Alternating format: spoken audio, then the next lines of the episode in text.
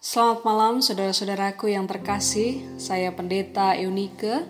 Pada malam hari ini kita kembali berjumpa dalam komitmen kita bersama untuk bersatu hati dalam doa. Sebelum kita berdoa bersama, kita juga akan merenungkan sabda Tuhan. Namun sebelumnya marilah kita meneduhkan pikiran dan hati kita kita akan diiringi nyanyian Teze di dalam cinta.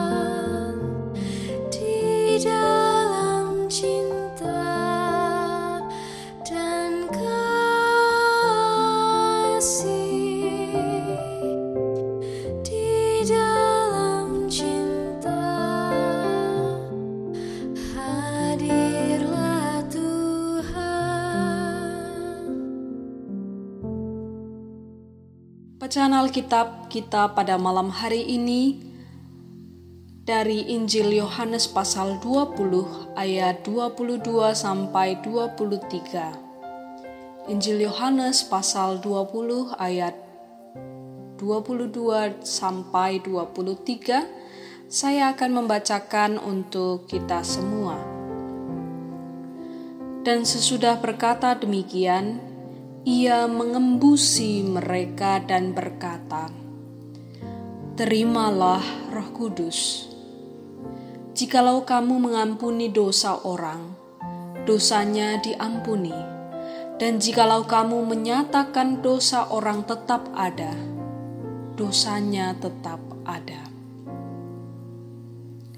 Saudara-saudaraku yang terkasih dalam Tuhan Yesus Kristus, bacaan Alkitab kita pada hari ini berkisah tentang peristiwa turunnya Roh Kudus, Pentakosta. Ya, walaupun Pentakosta dalam Injil Yohanes berbeda dengan Pentakosta yang dikisahkan oleh kisah para rasul yang dibacakan dalam bacaan Alkitab juga pada hari ini.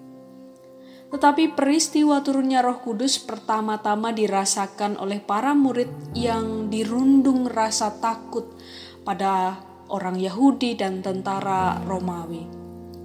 Mereka takut kalau-kalau orang Yahudi dan tentara Romawi menangkap mereka. Tapi bisa jadi, saudara-saudara, rasa takut itu timbul karena Yesus bangkit. Mereka benar-benar takut kalau Yesus melakukan pembalasan kepada mereka, para murid.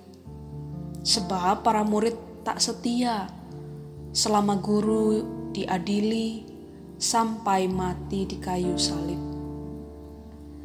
Namun saudara kenyataannya Yesus datang tidak untuk membalas dendam, melainkan untuk membawa kedamaian.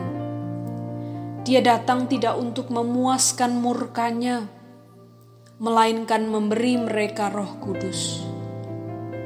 Roh ini adalah roh pengampunan, kekuatan untuk menyembuhkan, dan energi untuk menyatukan. Yesus mengampuni mereka dan memberdayakan mereka untuk mengampuni diri mereka sendiri dan mengampuni orang lain di dalam kekuatan Roh Kudusnya. Yesus menunjukkan kepada mereka bahwa kekerasan hanya akan melahirkan kekerasan, dan balas dendam menyebabkan lebih banyak kerugian, dan hanya pengampunan yang dapat membawa kedamaian sejati. Saudara, pada hari ini banyak dari kita terluka oleh kata-kata dan tindakan orang lain. Kecenderungan alamiah kita sebagai manusia ketika kita dilukai oleh kata-kata dan tindakan orang lain adalah marah dan mencoba mencari keadilan. Tetapi sering kali yang terjadi adalah kita menumbuhkan kemarahan dan kebencian dan menunggu sampai waktu yang tepat untuk melampiaskan kemarahan dengan cara yang lebih jahat lagi. Saudara sesungguhnya menyimpan kemarahan dan kebencian tidak menghancurkan siapa pun kecuali diri kita sendiri. Kita menjadi gelisah, stres, dan sakit. Dan tanpa disadari, kita menjadi sama seperti orang yang telah menyakiti diri kita. Saudara, peristiwa Pentakosta bukan hanya peringatan tentang apa yang terjadi di awal gereja. Kita masih terus membutuhkan Pentakosta sampai sekarang. Kita berdoa agar Roh Kudus menolong kita untuk mengampuni orang lain dan diri kita sendiri. Karena hanya Roh Kudus yang membawa kedamaian. Karena hanya Roh Kudus yang menyembuhkan luka-luka kita Roh Kudus yang memampukan kita untuk menjadi murid-murid Yesus yang membawa kedamaian dan pengampunan bagi bangsa ini yang saat ini dilanda sakit bersama.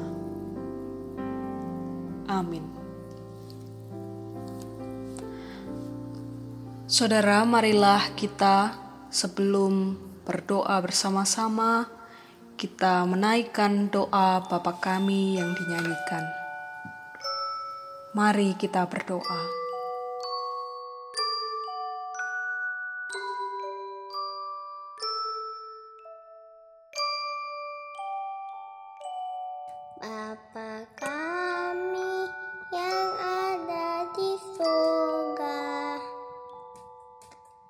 Dikuduskanlah namamu, datanglah kerajaanmu, jadilah kehendakmu di bumi seperti di surga.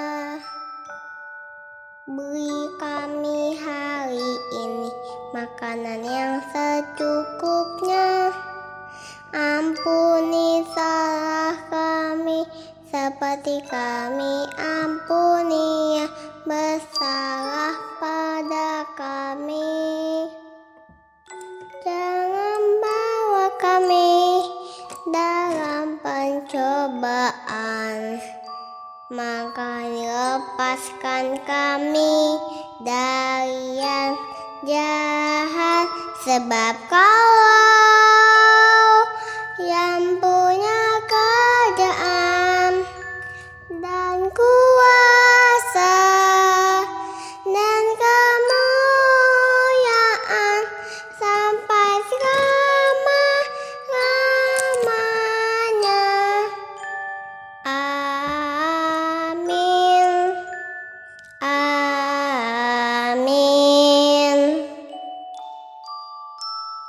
Kita lanjutkan dengan syafaat kita bersama. Ya Allah, Sang Pembawa damai sejahtera, hembuskanlah rohmu ke dalam kehidupan kami yang diliputi rasa takut dan khawatir.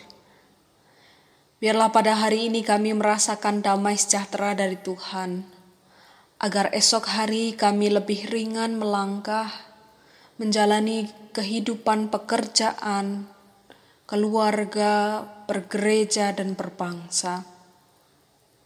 Dalam pengasihanmu kami memohon. Tuhan,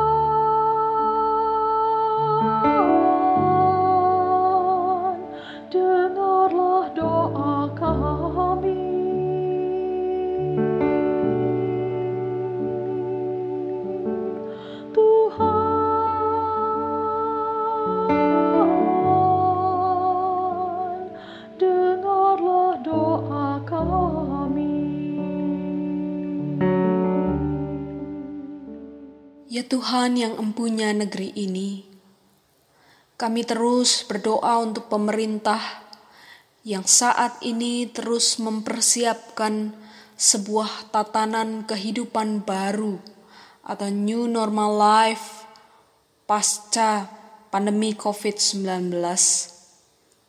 Kami berdoa untuk pemerintah yang terus mempersiapkan tatanan kehidupan baru di setiap sektor kehidupan. Tuhan kami memahami bahwa melepaskan sebuah kelaziman, kebiasaan lama, dan menciptakan sebuah tatanan yang baru tidaklah mudah. Kami mohon agar dalam proses ini setiap pihak saling bekerja sama. Tidak ada yang mengambil keuntungan untuk diri sendiri Biarlah para pemimpin negeri kami ini bertindak dengan semakin bijaksana dengan berorientasi untuk damai sejahtera masyarakat. Dalam pengasihanmu kami mohon. Tuhan,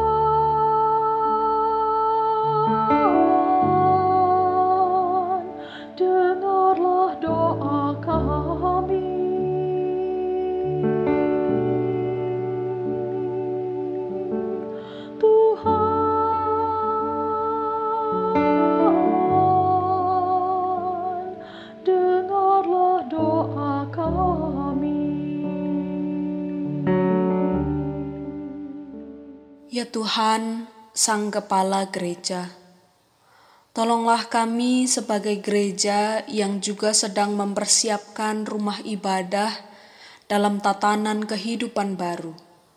Bantulah para majelis maupun para pengambil keputusan di berbagai gereja untuk semakin jernih dan bijak dalam mengambil keputusan untuk memulai sebuah tatanan kehidupan baru. Tolonglah agar proses edukasi tentang tatanan kehidupan baru dapat diterima oleh warga jemaat, dan semua umat Tuhan boleh terus disiplin demi terciptanya sebuah gereja yang sehat. Tuhan, inilah syafaat kami pada malam hari ini. Dalam pengasihan-Mu kami mohon. Tuhan,